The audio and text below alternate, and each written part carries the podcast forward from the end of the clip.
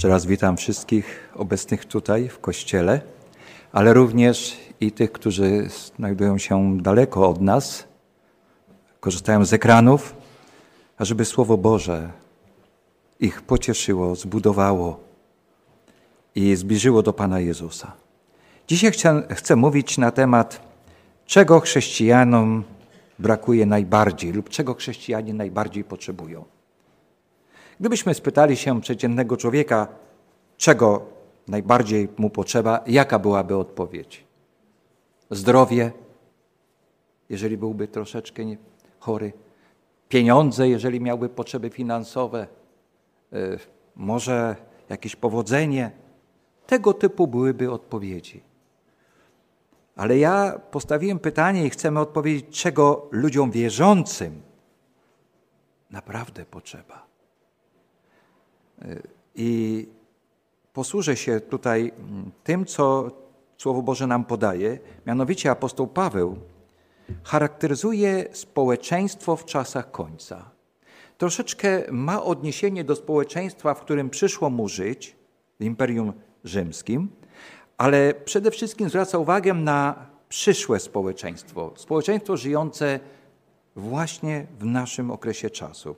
I pozwólcie, że zwrócę na to uwagę, a to wiedz, że w dniach ostatecznych nastaną trudne czasy. Dlaczego? Ludzie bowiem będą samolubni, chciwi, chełpliwi, pyszni, bluźniercy, rodzicom nieposłuszni, niewdzięczni, bezbożni. Ale mówimy, ale Panie Jezu, my takich ludzi nie widzimy.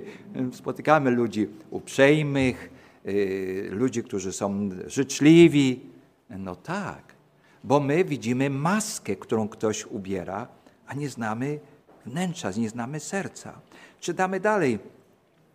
Właśnie bez serca, nieprzejednani, przewrotni, niepowściągliwi, okrutni, niemiłujący tego, co dobre, zdradzieccy, zuchwali, nadęci, miłujący więcej rozkosze niż Boga, którzy przybierają pozór pobożności, podczas gdy ich życie jest zaprzeczeniem tej mocy. Tych się też wystrzegaj.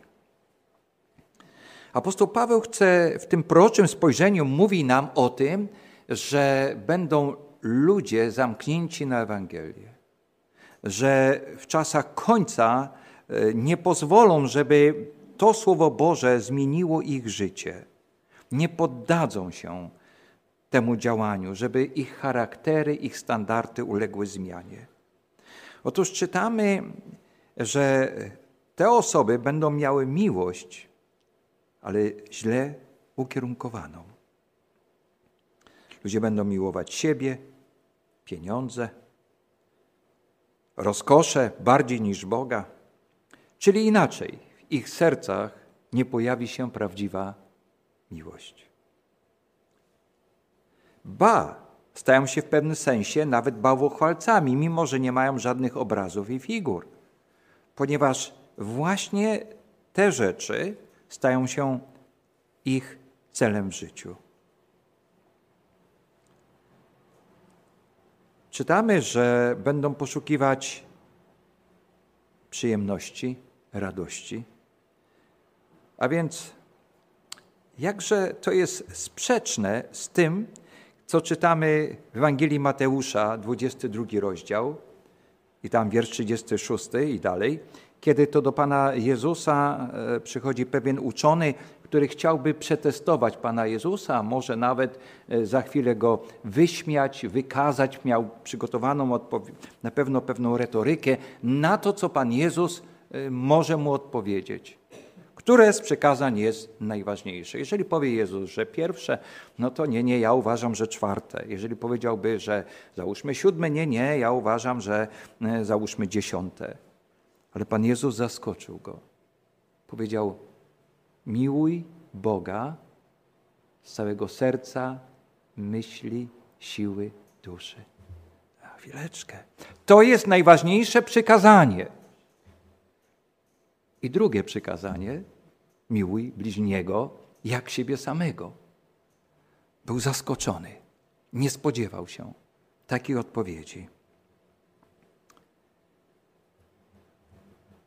Kiedy my pozwalamy, że coś innego okupuje nasz umysł, e, pozwolimy, że niepokój pojawia się, bo obawiamy się pewnych problemów, e, może natury finansowej, może zdrowotnej, to właściwie zapominamy, kto nasze życie trzyma w swoich rękach, kto może je zmienić. Jeżeli nie mamy prawdziwej miłości, no to po prostu wszelkie relacje też niewłaściwie się układają. Spotykamy społeczeństwo żyjące w czasach końca, które ma miłość, ale źle ukierunkowaną. I to jest tragiczne. Zwróćcie uwagę na wiersz piąty.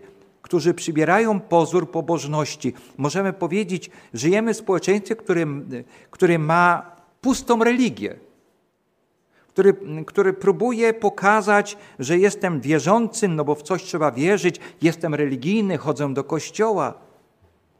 Ale tutaj chodzi o coś zupełnie innego. Dlatego Pan Jezus dał przypowieść o faryzeuszu i celniku. Znamy tą przypowieść.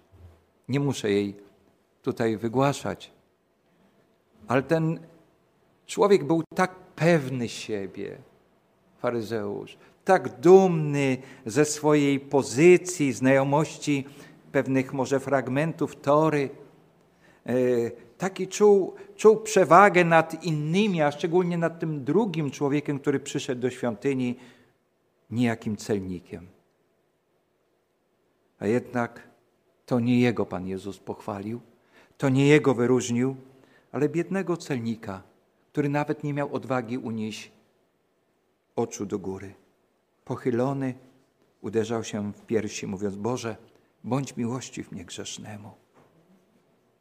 Jak gdyby ta sytuacja kieruje naszą uwagę na poganina, celnika, e, setnika, który, gdy chciał, żeby Pan Jezus pomógł, żeby uzdrowił jego sługę, powiedział: Ale Panie Jezu, ja nie zasługuję na to.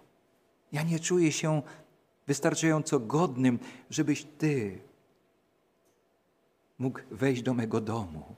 Mój dom jest zbyt skromny. Ale Pan Jezus był poruszony odpowiedzią tego człowieka, bo to jest właściwa postawa człowieka, który zaprasza Pana Jezusa do swego domu, do swego życia.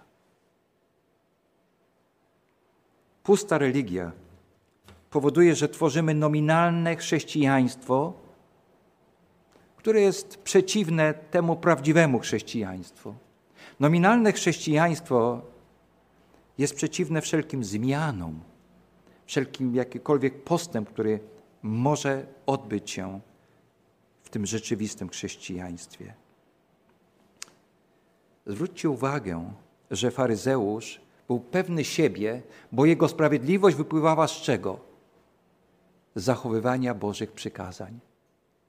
On miał tą pewność opartą na dekalogu, na zakonie, na prawie. Kto jak to? Ale ja? Ja jestem skrupulatny. Ja nawet wodę do picia przelewam przez sitko, bo tam może być komar.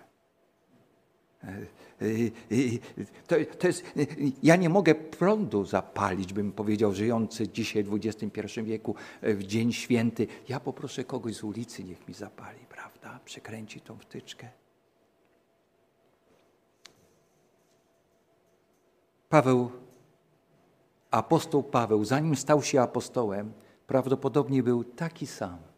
I dlatego w liście do Filipian w trzecim rozdziale i tam wierszu dziewiątym tak pięknie mówi, wiecie, list do Filipian jest moim ulubionym listem, moją ulubioną księgą. E, przeczytam jeszcze wcześniej wiersz ósmy, może ostatnią. E, lecz więcej jeszcze wszystko uznaję za szkodę wobec doniosłości, jaką ma poznanie Jezusa Chrystusa, Pana mego, dla którego poniosłem szkody i wszystko uznaję za śmiecie, żeby zyskać Chrystusa. Stary przekład Biblii Gdańskiej mówił i wszystko uważam za gnój. Ale wiersz dziewiąty. I znaleźć się w Nim, w Chrystusie, nie mając własnej sprawiedliwości opartej na zakonie, lecz tę, która wywodzi się z wiary w Chrystusa, sprawiedliwość z Boga na podstawie wiary. A więc co Ciebie i mnie może uczynić autentycznym chrześcijaninem? To, że nie liczysz i nie patrzysz na siebie, że no tak, ja jestem na pewno zbawiony, tak skrupulatnie wszystko przestrzegam, ale dlatego, że korzystam, korzysta ze sprawiedliwości Chrystusa, znaleźć się w Nim, nie mając własnej sprawiedliwości, opartej na prawie, że jestem tak skrupulatny we wszystkim. Ale wracając do tego społeczeństwa, zwróćmy uwagę, że to społeczeństwo w czasie końca to jest tak zwane społeczeństwo otwartego umysłu. E, chociaż apostoł Paweł poucza, że będą uczyć się, tak jak w wierszu siódmym czytamy, które zawsze się uczą, a nigdy do poznania prawdy dojść nie mogą, bo ta otwartość umysłu jest wybiórcza. Są pewne zagadnienia czy dziedziny, które się omija, szczególnie te duchowe zagadnienia się omija. Boż po co nam? My jesteśmy tak światli. Człowiek tyle osiągnął rzeczy, tyle teorii podał. Czasami teorie, które nie mają żadnych podstaw. Trzeba mieć więcej wiary w te teorie niż to, że Bóg stworzył ten świat i powołał go do życia. Ale jest grupa ludzi, która właśnie jest otwarta na wiele nowinek, gdzie słowo tolerancja dla nich jest najważniejsze. I są dumni z tego, że są otwarci. Ale z drugiej strony nie chcą poszukiwać Bożej wiedzy i nie chcą znaleźć tej najważniejszej pewności, która w życiu ma sens. Pewnego dnia odwiedziłem mego znajomego, właściwie dużo starszego pana, który, gdy mówiłem mu jako chłopak, gdy mówiłem mu o Panu Jezusie, nie, nie, nie, nie. Kiedy mu sprezentowałem książkę Wielki Bój, oddał mi. Nie, mnie to nie interesuje. Absolutnie. I kiedy znalazłem się przy jego łóżku, gdzie było wiadome, że wkrótce umrze, mówię, proszę Pana, Panie Kaziku, czy mogę się pomodlić? Czy mogę zmówić modlitwę pańską? I w ten czas oczami dał mi znak, że pragnie tej modlitwy. Szkoda, że tak późno. Szkoda, że w ostatniej chwili życia nie wiem, jak Pan Bóg oceni jego życie. Ono nie było złe, pomagał wielu ludziom.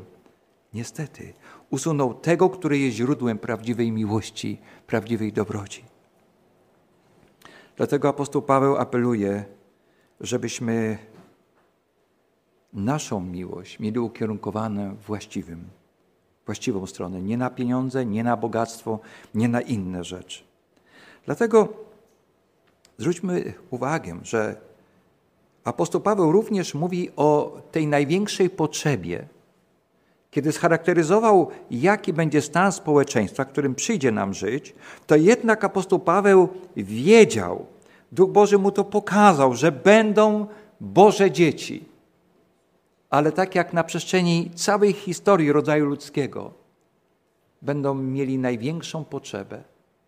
I właśnie w liście do Galacjan, gdybyśmy mogli otworzyć, w piątym rozdziale, i tutaj od wiersza 22 czytamy: Owocem zaś ducha jest miłość, radość, pokój, cierpliwość, uprzejmość, dobroć, wierność, łagodność, wstrzemięźliwość. Przeciwko takim nie ma zakonu. Apostoł Paweł mówi, że owocem Ducha Świętego jest miłość. Wymienia miłość jako pierwszy, możemy to powiedzieć, składnik tego owocu, albo jako pierwszy owoc. Ten najważniejszy, ten, który jest Y, praprzyczyną wszystkich właściwych naszych zachowań. Ten, który jest niezbędny, żebyśmy mogli wypełnić Bożą wolę, która mówi, żeby miłować Boga i miłować bliźniego. Czytałem taką historię. Pewien bogaty człowiek stracił żonę, stracił syna yy, i zmarł. Nie zostawił testamentu. Jego prawnicy zebrali jego majątek i postanowili na aukcji sprzedać jego yy, wyposażenie mieszkania, domu, a miał bardzo drogocenne rzeczy. Wszystko poszło, ale jedna rzecz nie znalazła nabywcy. To był portret jego syna, którego wcześniej stracił. Ale starsza pani e, podeszła do osoby prowadzącej aukcję i powiedziała: Ja mogę kupić ten portret, chociaż nie mam za dużo pieniędzy. Dobrze, ile pani ma, niech pani da, bo tak nikt nie chce tego kupić. I kiedy go wzięła, spojrzała z taką miłością ten portret, ponieważ była to niania, która tym chłopcem się zajmowała, wychowywała go. I dla niej ten portret był szczególny. Tam wiele miłości skierowała na tego chłopca i teraz cieszyła się tym wspomnieniem. Kiedy tak mocno przyciskała ten portret, bardziej nacisnęła y, tą tekturkę, która z tyłu ten obraz zasłaniała i nagle zauważyła, że tam coś jest umieszczone. O, spojrzała dalej, a tam była koperta. I było zaadresowane, proszę oddać w ręce prawnika. No dobrze, wzięła tą kopertę i udała się do prawnika. Prawnik, kiedy otworzył ten list, przeczytał i za chwilę wykrzyknął: Droga pani, została pani milionerką, ponieważ zmarły zapisał wielką sumę osobie, która będzie na tyle kochała jego syna, że zainteresuje się tym portretem. Moi drodzy, pomyślałem sobie, kiedy ty i ja pragniesz Pana Jezusa, to Bóg Ojciec jest w stanie dać Tobie i mnie największe skarby, a przede wszystkim życie wieczne. Ale to wszystko opiera się na miłości. Miłość jest najważniejszą chrześcijańską łaską. A przede wszystkim, tak jak apostoł Paweł w liście do Galacjan powiedział, że to jest owoc Ducha Świętego. Niektórzy ludzie mówią, ależ pastorze, ja posiadam Ducha Świętego, proszę bardzo, mam moc, ja mogę modlić się w szczególny sposób, e, pewne rzeczy się dzieją, nawet uzdrawiam ludzi. Ale apostoł Paweł nie tak przedstawia Ducha Świętego. Przedstawia przede wszystkim jako osobę, która obdarza nas miłością. Napełnia nasze serce nie manifestacją silnej mocy, ale czymś niezwykłym. Coś, co może kompletnie zmienić Twoje i moje życie. Coś, co jest niezwykle ważne. Czy rzeczywiście miłość jest znakiem wyróżniającym chrześcijan? Gdybyśmy postawili pytanie, według Ciebie, co wyróżnia chrześcijan? No, wyobraźmy sobie, że ktoś powie, że autentycznymi dziećmi Bożymi są ci, e, którzy zachowują prawdę, mają właściwe zasady. Bardzo dobra odpowiedź. Prawda, Boże zasady biblijne są czymś właściwym. E, e, wierność nauczaniu Biblii jest bardzo istotna. Ale zwróćmy uwagę, że apostoł Paweł napisał nam, że ci ludzie,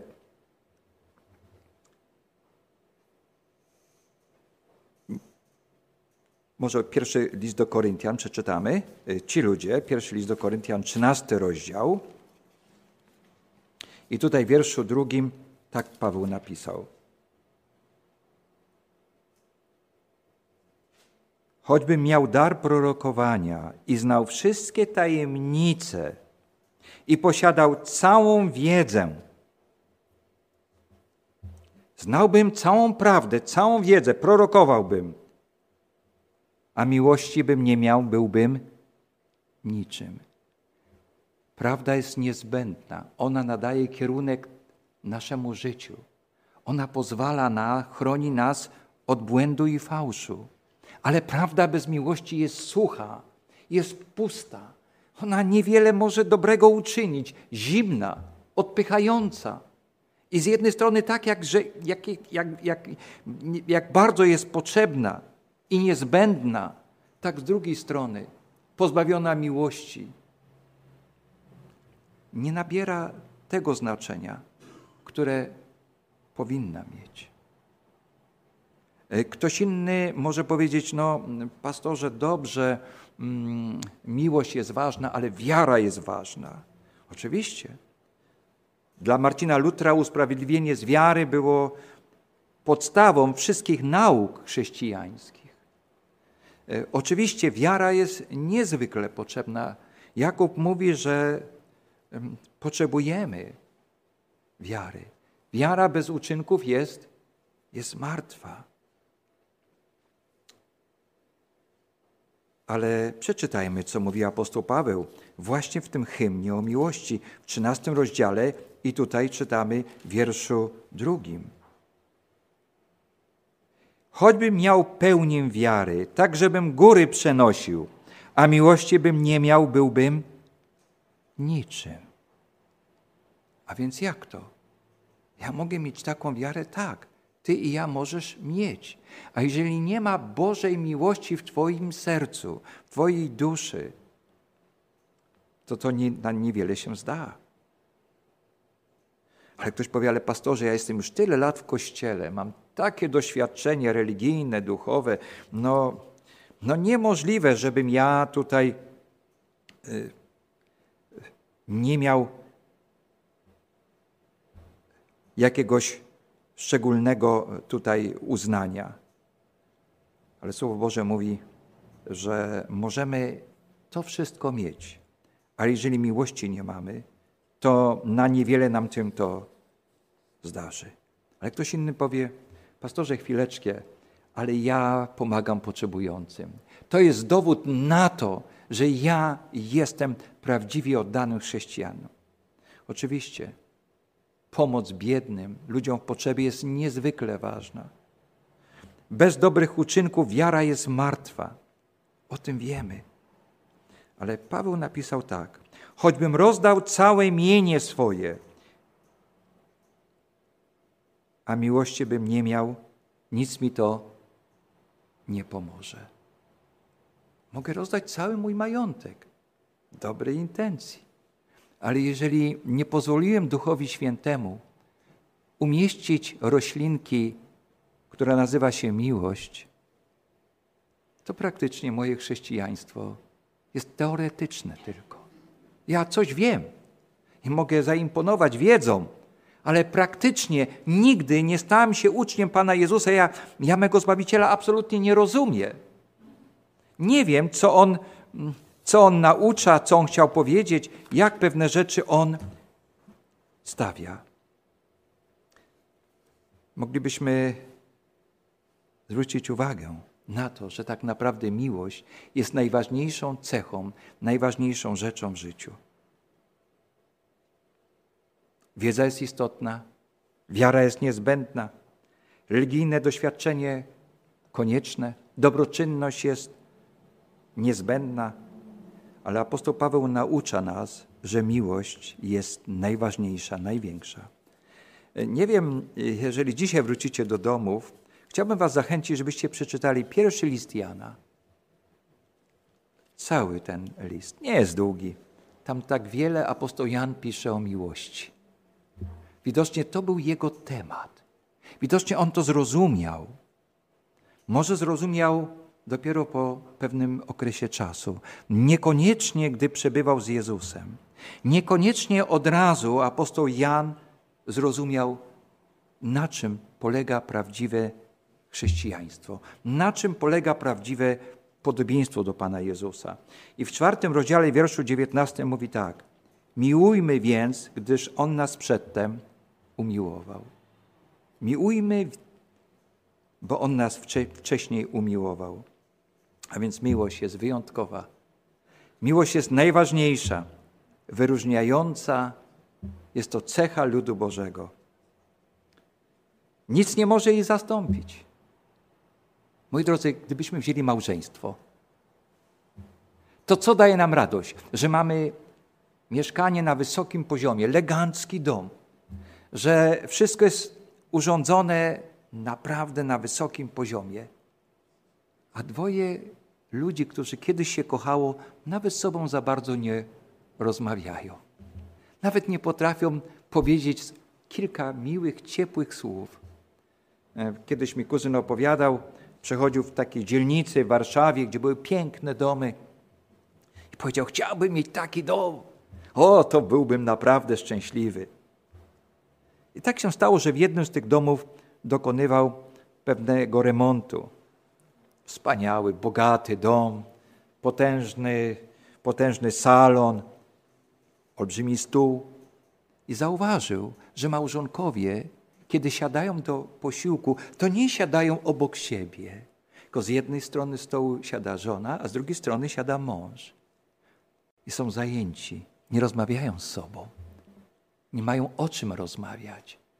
I nagle do niego dotarło, że on nie chce mieć takiego domu, że on nie chce mieć takiej rodziny, że on nie chce tak żyć.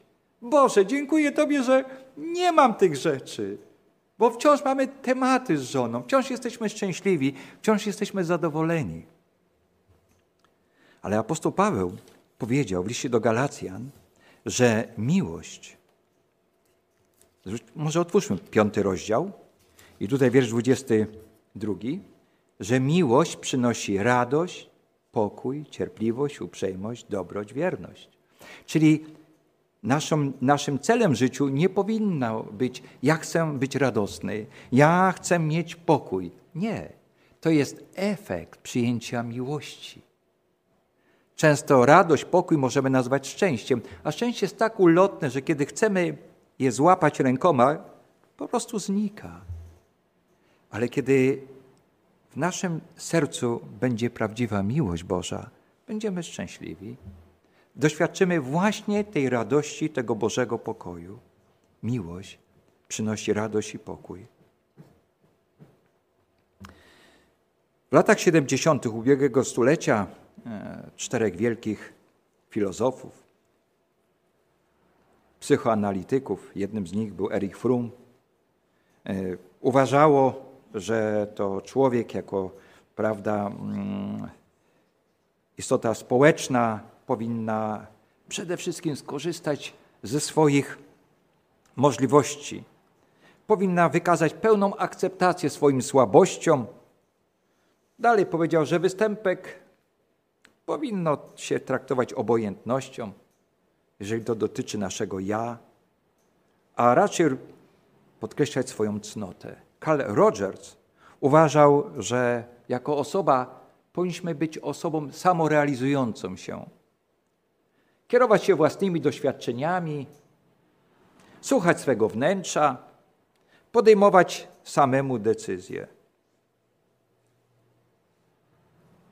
W ten sposób rozwijano tą wartość mojego ja. W ten sposób uważano, że człowiek jest w stanie wzbić się na niesamowite poziomy.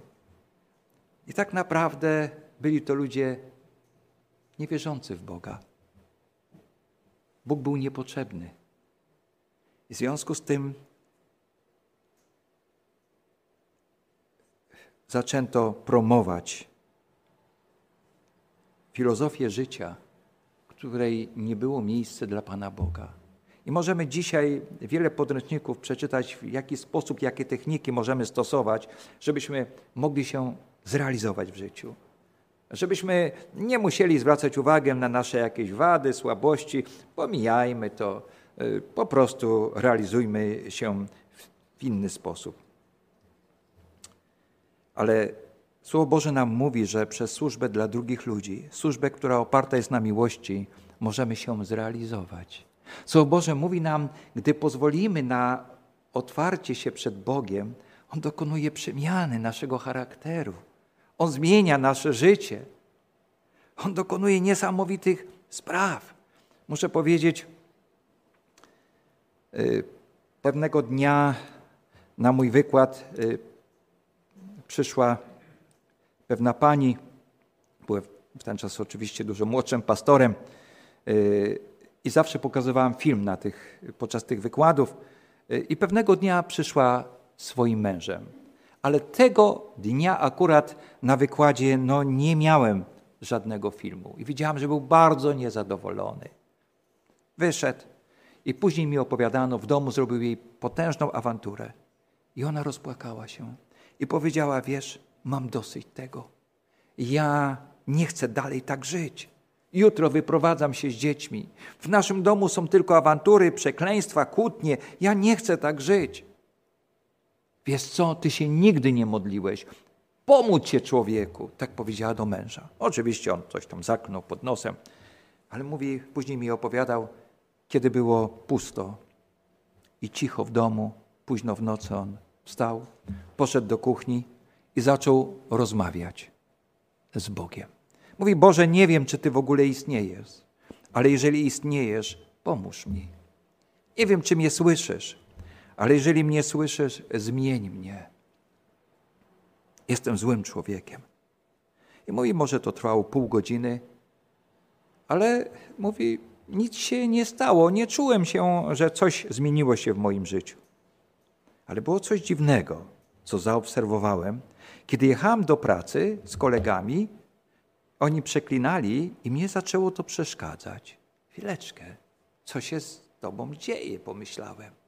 A później w pracy, kiedy składaliśmy się na pół litra wódki, ja dałem moją część, ale nie piłem. To było nienormalne. Takiej okazji nigdy bym nie przepuścił. A później szybko pobiegłem do domu. I kiedy żona już gotowa była do spakowana, żeby wyprowadzić się, ja ją zatrzymałem, uprosiłem, daj mi jeszcze szansę. Ten człowiek przyjął chrzest. Jego życie zmieniło się. Kiedy żoną odwiedziliśmy ich dom i mieliśmy nabożeństwo, w ich oczach pojawiły się łzy. A żona powiedziała, pastorze, po raz pierwszy ściany tego mieszkania słyszały pieśni Boże i modlitwy. Jesteśmy tak bardzo wdzięczni Chrystusowi, bo Ewangelia właśnie ma taką moc zmiany życia. Tak naprawdę to Jan mówi, że to Bóg jest miłością, czyli w życiu naszym brakuje nam Boga, tego, który jest prawdziwym źródłem miłości, tego, który może wypełnić nas tą miłością. E, pewien duchowny odchodził na emeryturę i było, wygłosił ostatnie kazanie. I podeszła do niego jedna z wyznawczyń, powiedziała: Pastorze, czy wiesz, które kazanie zapamiętałem i które zrobiło na mnie najmocniejsze wrażenie? Mówi, nie, no nie wiem. To, kiedy powiedziałeś, że możemy, że nie jesteśmy w stanie czegokolwiek zrobić, żeby Bóg przestał nas kochać. Ja to zapamiętałam. Zrozumiałam, że dla mnie jest wciąż Boża łaska i Boża miłość. Zrozumiałam, że nawet gdy ludzie zginą, bo wybrali drogę buntu czy grzechu, to Bóg do końca ich kocha i próbuje ich ratować. Bez względu na to, jakie było Twoje życie do tej pory, Bóg Cię wciąż kocha. Ale pytanie jest, czy Ty Boga kochasz? Czy Ty Jego kochasz?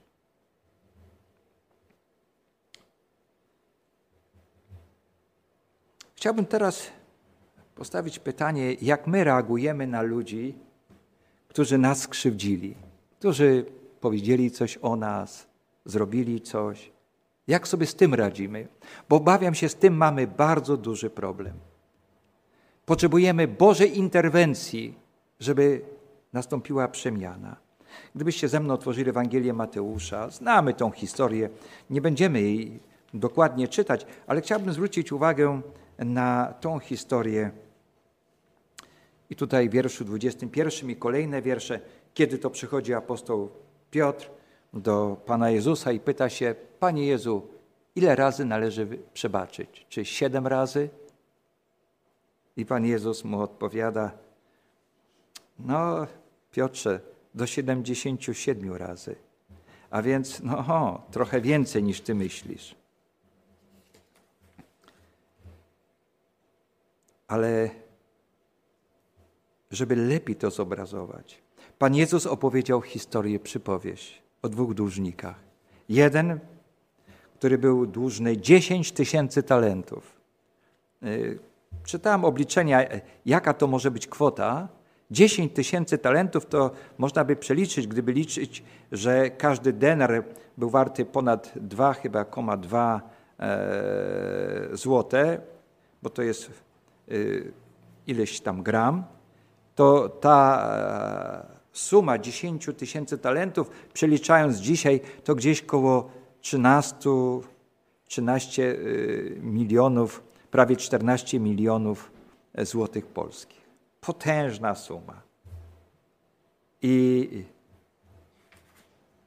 kwota 10, 100 denarów, ten drugi dłużnik, która gdzieś w wysokości 850 złotych. I mamy tutaj przykład, gdy dłużnik otrzymuje, że tak powiem, przebaczenie. Anulowany jest jego dług. 13 y, milionów 800 tysięcy. Coś niesamowicie potężnego. Coś, co nie byłby w stanie spłacić. Po prostu anulowany. Już nie jesteś dłużnikiem. Ale ten sam człowiek, któremu taką kwotę darowano, nie potrafił zapomnieć, że ktoś jest mu winny 858 złotych. Haha, ja tobie nie daruję. Jak, dlaczego tak się dzieje? Dlaczego my nie potrafimy zapomnieć, przebaczyć, odpuścić ludziom, którzy nam zrobili krzywdę? Mimo, że mówimy o Bożej miłości, mimo, że mówimy o Bożych zasadach, mimo że jesteśmy świadomi, że to nie jest teoria. To, jest, to ma być czymś realnym. Wiecie dlaczego? Bo zapominamy, co Chrystus dla nas uczynił. Zapominamy, jak On pochylił się nade mną, nad Tobą, ile pracy musiał włożyć, żeby zmienić nasze życie, a przede wszystkim wybaczyć nam nasze upadki. Kiedy zrozumiemy, co Chrystus Pan dla nas uczynił, to nasza wdzięczność nie będzie miała końca. Ona nie zatrzyma się na zadowoleniu, że nam teraz wszystko się ułożyło, ale będziemy chcieli tą samą wdzięczność, tą samą miłość okazywać tym, którzy nam zrobili krzywdę, którzy nas zranili. Kiedy Ty jesteś świadomy, co na Golgocie Pan Jezus uczynił dla Ciebie i pozwolił Tobie z pewną nadzieją patrzeć w przyszłość. Pozwolił Tobie być marzycielem. Pozwolił Tobie pożegnać swoich bliskich, którzy odeszli umierając nadzieją powtórnego przyjścia i spotkania się z nimi, nadzieją zmartwychwstania. A teraz Ty sam nie potrafisz. Jesteś taki sam jak ten dłużnik, któremu darowano 14 prawie milionów złotych. Ale chwileczkę. Ale ty mi jesteś winny 852 złote. O czym mówimy? Dawaj. Jak nie dasz, to ja cię tutaj do więzienia wrzucę. Możemy tak postępować. I tak postępujemy. I uważamy, że to jest normalne. I powtarzając krzywdy, które nam ktoś zrobił, opowiadając innym ludziom. Kodujemy to w naszym sercu, w naszym umyśle. To jest matryca. O wszystkich innych rzeczach możemy zapomnieć, ale jeszcze przed śmiercią będziemy o tym pamiętać. Nie pozwólmy, żeby tak było. Pozwólmy, żeby Duch Chrystusowy napełnił moją duszę i Twoją duszę. Żebyś mógł tak jak Pan Jezus do Judasza, który był, powiedzielibyśmy, największego poziomu złoczyńcą, zdradzając swego ukochanego nauczyciela, przyjaciela. mówi do niego przyjacielu. Do końca chce go ratować. Sądzę, że wielu chrześcijan nie zdaje sobie sprawy z tego, jaki dług mamy wobec Pana Jezusa. Augustyn tak pięknie powiedział: Gdzie jest miłość, tam mieszka Bóg. Posiądź miłość, posiądź miłość, a ujrzysz go we własnym sercu, zasiadającego jak na swoim tronie. N. White tak pięknie napisała: Każdy z nas zawdzięcza wszystko łasce Bożej. Ona umożliwia przyjęcie nas jako dzieci Bożych. Łaska Zbawiciela spowodowała nasze zbawienie, odrodzenie i podniesienie do rangi spadkobierców Boga i Chrystusa. Objawiajcie tę łaskę innym, aby i oni mieli swój udział w niebiańskim dziedzictwie. Nie odbierajcie błądzącym odwagi. Jeśli odwracamy się od ludzkich niedoskonałości, by ujrzeć Jezusa, następuje w nas dokonane przez Boga przekształcenie charakteru. Duch Chrystusa działający na serce ludzkie odmienia je na swoje podobieństwo. Jezus niech będzie waszym dążeniem. Skierujcie oczy wiary na baranka Bożego, który gładzi grzech świata. A później napisała: Miłość i współczucie widoczne w cudownym życiu Jezusa będą okazywane przez tych, którzy przyjmują Jego łaskę. A więc, moi drodzy, czego brakuje Tobie i mnie? Musimy na to odpowiedzieć. To jest bardzo poważne pytanie. Możemy je zlekceważyć. E, w porządku, wszystko jest. Ale pewnego dnia będzie za późno. Pewnego dnia może być za późno. Dzisiaj jest czas, gdzie Duch Święty pragnie dokonać przemiany, której tak bardzo potrzebujemy. Ja wciąż ją potrzebuję. I wierzę, że zapraszając Ducha Świętego, ta przemiana będzie następowała każdego dnia. Nie tylko chciałbym mieć znajomość Bożej prawdy, ale przede wszystkim, żeby charakter Chrystusa Pana mógł objawić się w moim życiu i w Twoim życiu.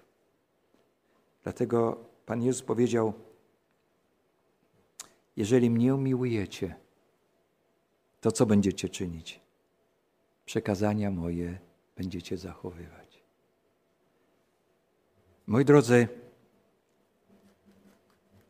kiedy czytamy różne powieści, kiedyś tak napisała Ellen White i bardzo ta myśl mi się spodobała. Pan Bóg wiedział, ja teraz sparafrazuję, Pan, Pan Bóg wiedział, że wiele ludzi nigdy nie sięgnie do Biblii. Dlatego w takich szczególnych dziełach pisarskich umieścił właśnie ten wątek miłości. Miłości, która wychodziła poza przyjęte standardy, gdzie główni bohaterowie mogli postąpić inaczej, niż sytuacja wymagała. Właśnie okazując łaskę, przebaczenie, miłość. W ten sposób Pan Bóg chciał docierać do społeczeństwa. W ten sposób Bóg chce dotrzeć do Ciebie i do mnie. I dlatego dzisiaj te słowa wierzę, że Bóg mnie zainspirował, żebym podzielił się z Wami. Kiedy byłem w Jerozolimie i szedłem słynną drogą Via Dolorosa, Szedłem z tego miejsca od Piłata na miejsce, gdzie Pana Jezusa ukrzyżowano. Wyobrażałem sobie, jak mój Zbawiciel szedł, wyśmiewany, pluty, szydzono z Niego. Zapomniano, co On uczynił. Na głowie była korona cierniowa. Ja gdy szedłem, to nikt mnie nie zatrzymywał. Nikt nie pluł na mnie. Nikt mnie nie wyśmiewał. Ale mój Pan to przeżył. I dlatego, że On to przeżył, dlatego, że On wziął na siebie całą hańbę moją i Twoją, Ty dzisiaj możesz spokojnie iść przez życie, wiedząc, że Twoje upadki są wybaczone, że każdego dnia masz nową szansę, nowe możliwości. Niech Bóg Was w szczególny sposób błogosławi. Amen.